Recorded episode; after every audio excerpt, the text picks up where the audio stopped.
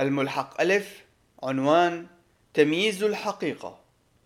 بالرغم من أننا في هذا الكتاب قد افترضنا أنه من الواجب قراءة الكتاب المقدس بطريقة أمينة ومباشرة أي أنه يعني ما يقوله.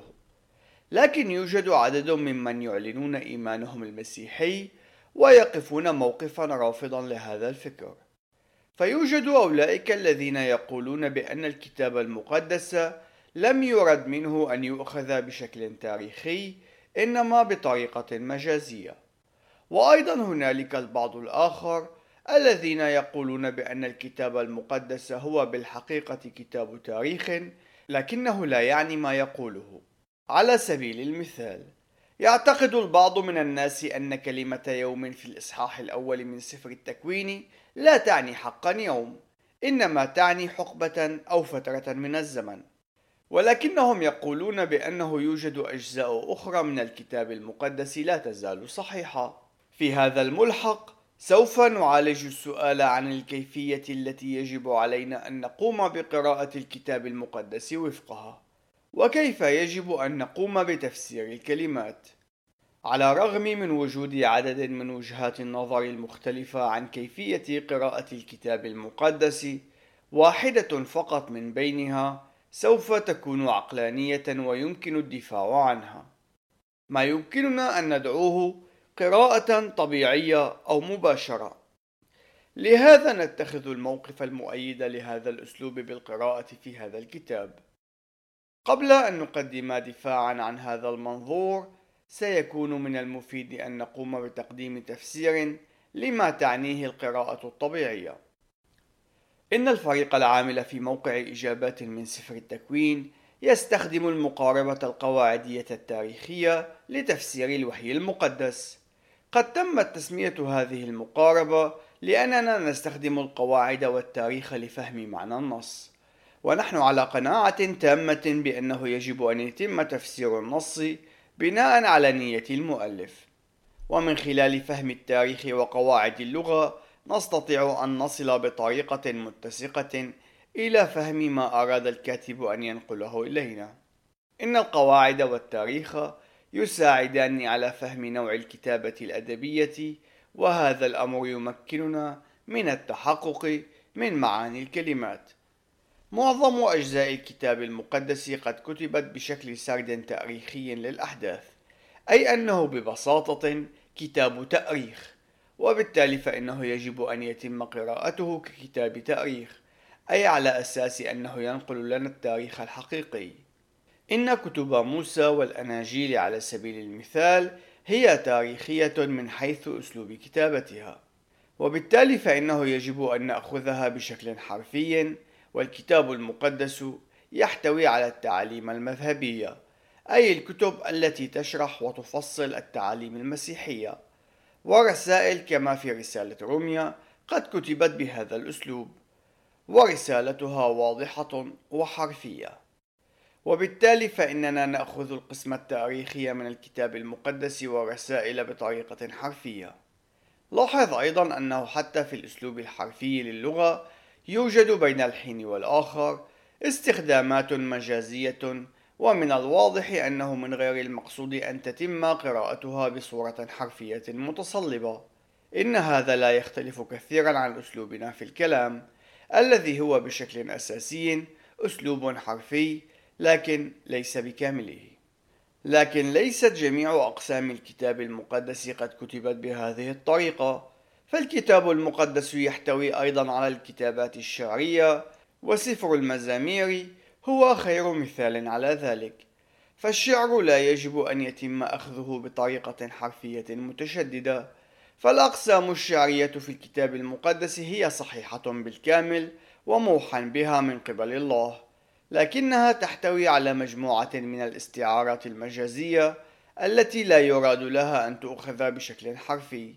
والكتاب المقدس يحتوي أيضا على الكتابات النبوية مثل سفر دانيال وسفر الرؤيا اللذان كتبا بهذا الأسلوب. وهذا النوع من الكتابة يستعمل وبشكل كثيف الاستعارات المجازية ويقدم الكثير من التلميحات والإشارات إلى الأسفار الأخرى من الوحي المقدس. ولا يراد للكتابات النبوية أن تتم قراءتها بطريقة حرفية صرفة بالرغم من أنها في بعض الأحيان تحتوي على الشرح الحرفي لمعنى الصور الرمزية المقدمة فيها. في الأقسام النبوية من الكتاب المقدس نقوم باستخدام التعاليم الواضحة الحرفية الموجودة في الأقسام التاريخية لتساعدنا على فهم المعنى وتفسير غير الواضح في ضوء الواضح. يمكن أن يتم التمييز بين جميع هذه الأنواع الأدبية من خلال استخدام قواعد اللغة، ويكون أمرا جيدا في أكثر الأحيان أن تتم العودة إلى اللغة الأصلية أيضا. فالنظر إلى الاستخدام العبري للحرف واو الذي يفيد التوالي سيساعدنا على تحديد السرد التاريخي والتوازي المترادف أو المضاد في الأفكار يساعدنا على تمييز الأسلوب الشعري حتى أنه من خلال طريقة استعمال الأفعال العبرية يمكن أن يتم تبيان نوع الكتابة الأدبية وهذا الأمر الذي قام بتوثيقه الدارس الدكتور ستيفن بويد. وهذه التفاصيل تتجاوز الحدود المقترحة لهذا الكتاب. ومن الكافي في هذا المقام أن نقول بأنه أمر سهل نسبيا أن يتم التمييز بين الأنواع المختلفة من الكتابات الأدبية.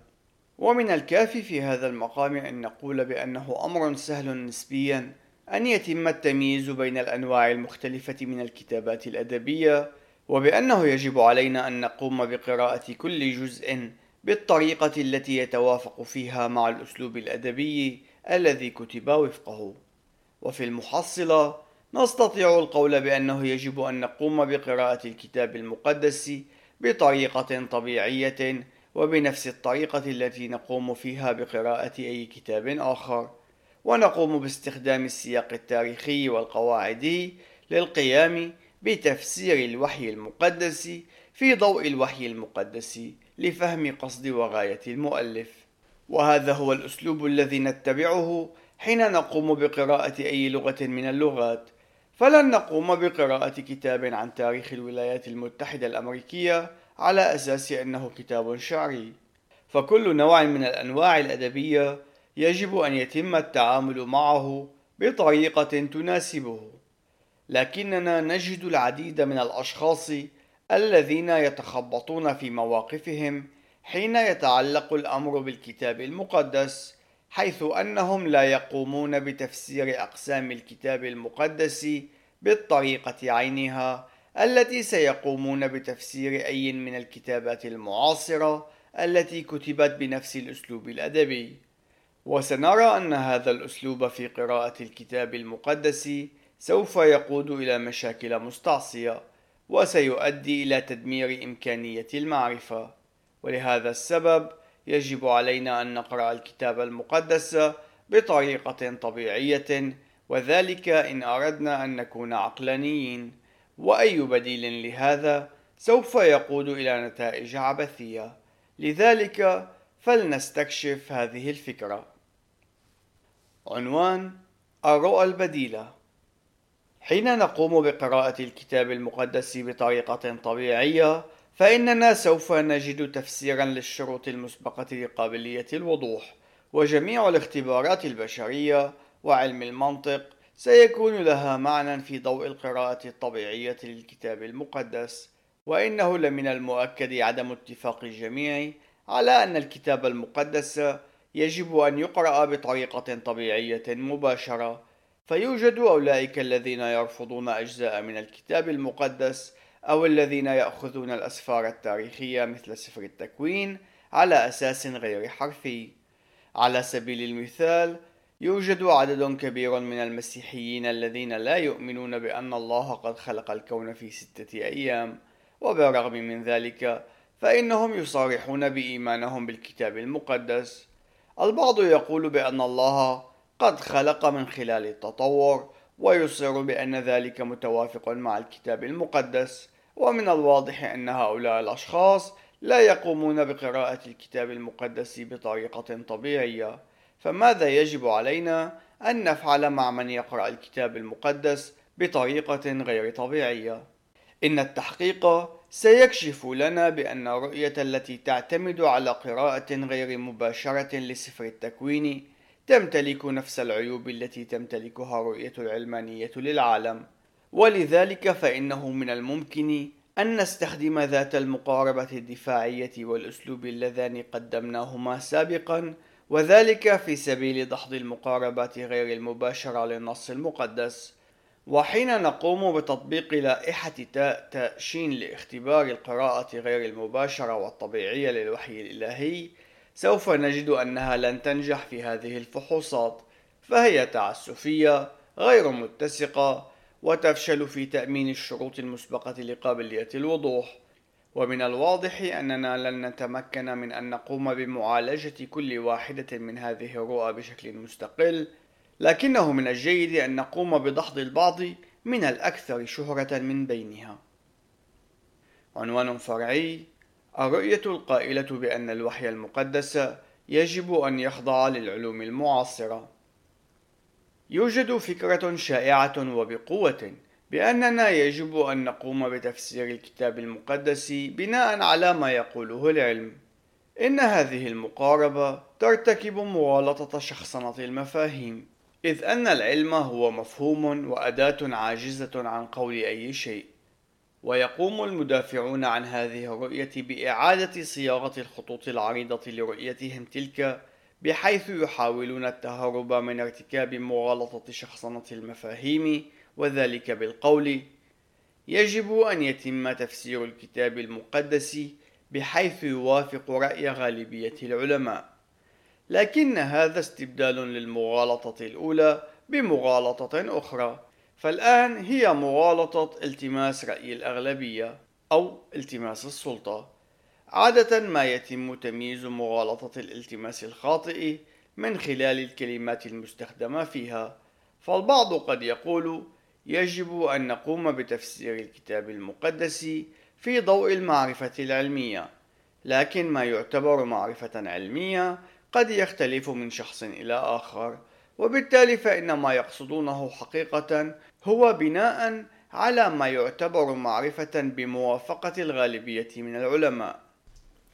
أيا تكن الطريقة التي يتم وفقها تقديم هذه الرؤية فإنها تتطلب موافقة مجموعة معينة من العلماء على فهم معين في سبيل تفسير الكتاب المقدس.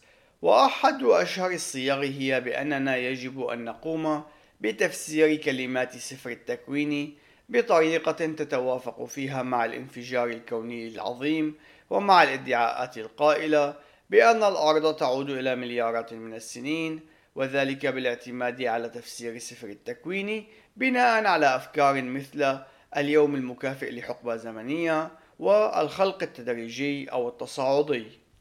وفقا لهذه الرؤية فإن كلمة يوم في سفر التكوين يجب أن يتم تفسيرها على أنها حقبة زمنية طويلة وليس يوما اعتياديا. والمؤيدون لها يؤمنون بأن الله قد قام بفعل الخلق على مدى مليارات من السنوات والأمر الذي مكنهم من مطابقة الإطار الزمني للخلق مع الإطار الزمني المفترض من قبل التطوريين. إن هذه الرؤية تحتوي على العديد من العيوب الداخلية المتناقضة ومن بينها على سبيل المثال إن الترتيب الذي تم وفقه خلق الحياة والمذكور في سفر التكوين لا يتطابق مع الترتيب المفترض من قبل التطوريين. وبالتالي فإن إطالة أمد اليوم ليمسي حقبة زمنية طويلة الأمد لن يقوم بحل المشكلة. إن الأفكار القائلة بقدم عمر الأرض والانفجار الكوني العظيم هي أفكار حديثة نسبيا ومن المؤكد أن الغالبية من العلماء لم يؤمنوا بهذه الأفكار حتى منتصف القرن العشرين. وهذا نوع من عدم الاتساق في فكرة أن الكتاب المقدس يجب أن يتبع للعلوم المعاصرة. وتفسير الكتاب المقدس الذي يتم اعتباره صحيحا وفق هذه الرؤية لن يكون ثابتا. فهو سيتغير بشكل دائم ليتلائم مع رأي الأغلبية من العلماء كلما حدث تغيير في إجماع المجتمع العلمي. فهل يجب علينا أن نؤمن بأن الناس قد فشلوا في تفسير سفر التكوين طوال السنوات الماضية إلى أن وصلنا إلى العصر الراهن حيث قام العلماء باكتشاف ما يعتقدون أنه الحقيقة؟ إن كان مطلوبا وجود نسبة معينة من المعرفة العلمية لفهم الكتاب المقدس حينها كيف سيكون من الممكن أن نعرف بأننا قد وصلنا إلى تلك النسبة؟ من المؤكد أن ما نعرفه عن الكون في عصرنا الراهن سوف يتم اعتباره معارف بدائية بعد مرور فترة من الزمن. وبالتالي فإنه من غير الممكن أن نعرف فيما إذا كان فهمنا للكتاب المقدس هو فهم صحيح. وإن لم يكن فهمنا للكتاب المقدس مؤكدا فكيف لنا أن نعرف صحة أي شيء؟ لأن الرؤية التوراتية للعالم هي الوحيدة القادرة على تأمين الشروط المسبقة لقابلية الفهم. وبالتالي فإن الموقف القائل بأن الكتاب المقدس يخضع للتفسير بطريقة يتوافق فيها مع رأي الأغلبية من العلماء إنما هو موقف ذاتي النقد والأشخاص الذين يتمسكون بهذه الرؤية لا يتمسكون بالكتاب المقدس على أنه المعيار الأعلى لهم. لكننا نعرف أن بدء المعرفة هي مع الله وليست مع الإنسان. هذا ما يرد في الأمثال واحد سبعة. إن الرؤية القائلة بأن الوحي المقدس يجب أن يخضع للعلوم المعاصرة ستؤدي إلى نتائج عبثية ويوجد لدينا طريقة أخرى للتفكير بالأمر. فنحن قد أنجزنا الكثير من التقدم في هذا الكتاب. أولا كل شخص يحتاج لامتلاك معيار أعلى. هذا ما وصلنا إليه في الفصل التاسع. ثانيا وحدها الإعلانات الإلهية الخاصة التي أعطاها الله في الكتاب المقدس قادرة على أن تكون المعيار الأعلى حيث أنها الوحيدة القادرة على تأمين الشروط المسبقة لقابلية الفهم. هذا ما وصلنا إليه في الفصول الثلاثة الأولى. ثالثا وبالتالي إن أولئك الذين لا يكون الكتاب المقدس معيارهم الأعلى سوف يكونون غير عقلانيين. رابعا إن أولئك الذين يقومون بتفسير الكتاب المقدس ليطابق ادعاءات العلماء لا يشكل الكتاب المقدس معيارهم الأعلى. يجب أن يكون هذا الأمر واضحا. إن قمنا بتعديل وضبط فهمنا للكتاب المقدس ليطابق ادعاء من نوع آخر حينها سيكون ذلك الادعاء الآخر أساسي لتفكيرنا أكثر من الكتاب المقدس. إن المعيار المطلق لا يمكن أن يتم تعديله نتيجة لادعاءات خارجية وإلا فإنه لن يكون معيارا مطلقا خامسا وبالتالي فإن الذين يقومون بتفسير الكتاب المقدس ليطابق رأي العلماء ليسوا عقلانيين إن رؤية الوسطية للوحي المقدس قد تنازلت عن سلطان الكتاب المقدس وانحدرت إلى مستوى من العبثية التي تميز رؤية العلمانية للعالم. عنوان فرعي الإعلانات من خلال الطبيعة.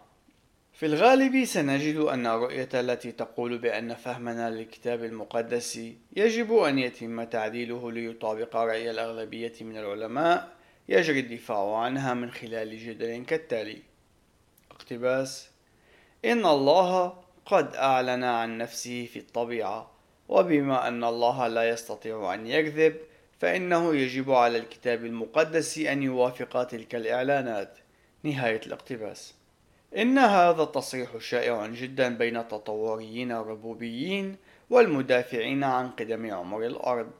إن هذا التصريح يرتكب مغالطة تجسيد المفاهيم إذ أنه قد تم التعامل مع الطبيعة على أنها شخصية قادرة على امتلاك موقف معين في الحوار. ويوجد مشكلة أخرى في هذا التصريح وهي مشكلة عدم تطابق الفئات. فالطبيعة ليست مصدرا يقترح ويقدم الحقيقة فهي غير مصنوعة من مجموعة من التصريحات. إن الطبيعة لا تستطيع وبشكل حرفي للكلمة أن تتوافق مع الكتاب المقدس.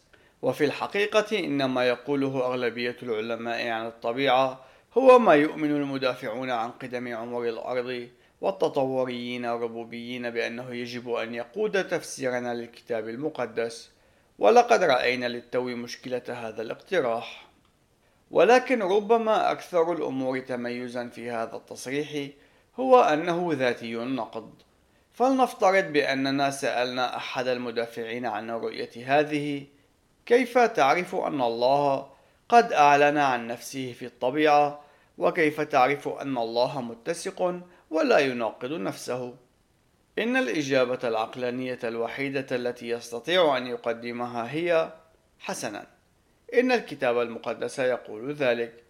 فالإصحاح الأول من رسالة رومية يعلم بأن الله قد أعلن عن نفسه للجميع إلا أنه يقع أسيرا لتصريحه هذا لأننا إن لم نأخذ الكتاب المقدس بطريقة طبيعية ومباشرة هل سوف نستنتج بأن الله قد أعلن عن ذاته في الطبيعة؟ فإن الإصحاح الأول من رسالة روميا لن يكون صحيحا بشكل حرفي. حينها لن يكون لدينا أي سبب للاعتقاد بأن الله قد أعلن عن ذاته حقا وبشكل حرفي في الطبيعة. وبالتالي فإن الرؤية التي تقول بأننا يجب أن نرفض القراءة الطبيعية المباشرة للكتاب المقدس في ضوء الطبيعة تفترض وبشكل مسبق أن نقوم بقراءة طبيعية مباشرة للكتاب المقدس وبالتالي فإنها ذاتية النقد. عنوان فرعي الرؤية المجازية يوجد أولئك الذين يعلمون بأن الكتاب المقدس ليس إلا كتابا عن الحقائق الروحية والأخلاقية وبأنه ليس مقصودا أن يتم أخذه بشكل حرفي لكن الكتاب المقدس يقدم الأخلاق خلال السياق التاريخي فجميع التعاليم المسيحية تفترض بشكل مسبق حقيقة التاريخ المسجل في الكتاب المقدس. فإننا مسؤولون عن أعمالنا أمام الله ذلك لأنه هو من قام بخلقنا. ولأن الله قد خلق حواء من ضلع من جنب آدم فإننا نمتلك أساسا لمفهوم الزواج كما أنه فقط في حال كان التاريخ المسجل في سفر التكوين حقيقيا يمكننا حينها أن نمتلك أساسا للشروط المسبقة لقابلية الفهم. فقط في حال كان الله كما أعلن عن ذاته في الكتاب المقدس قد قام حقا وبشكل حرفي بخلق آدم وحواء كما قال أنه فعل. حينها يجب علينا أن نعتقد بأن الإنسان قد خلق على صورة الله وبالتالي فإنه يستحق الكرامة. فقط إن كان التكوين 822 حقيقي بالفعل فإننا نستطيع أن نمتلك انتظاما في الطبيعة وهو الأمر الذي يعتمد عليه كل البحث العلمي.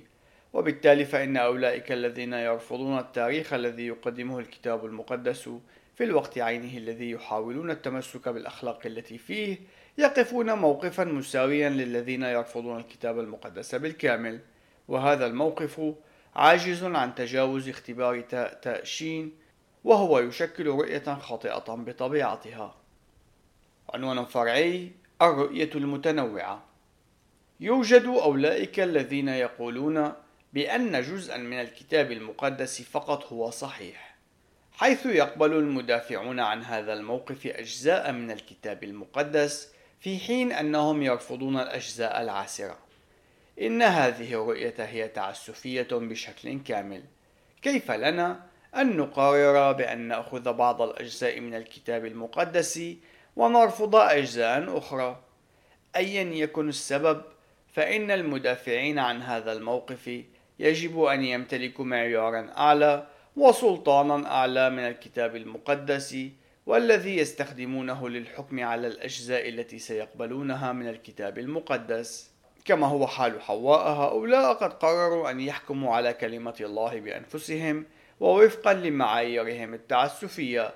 لكن وبشكل مطلق إن الكتاب المقدس وحده قادر على أن يكون المعيار المطلق وغير التعسفي.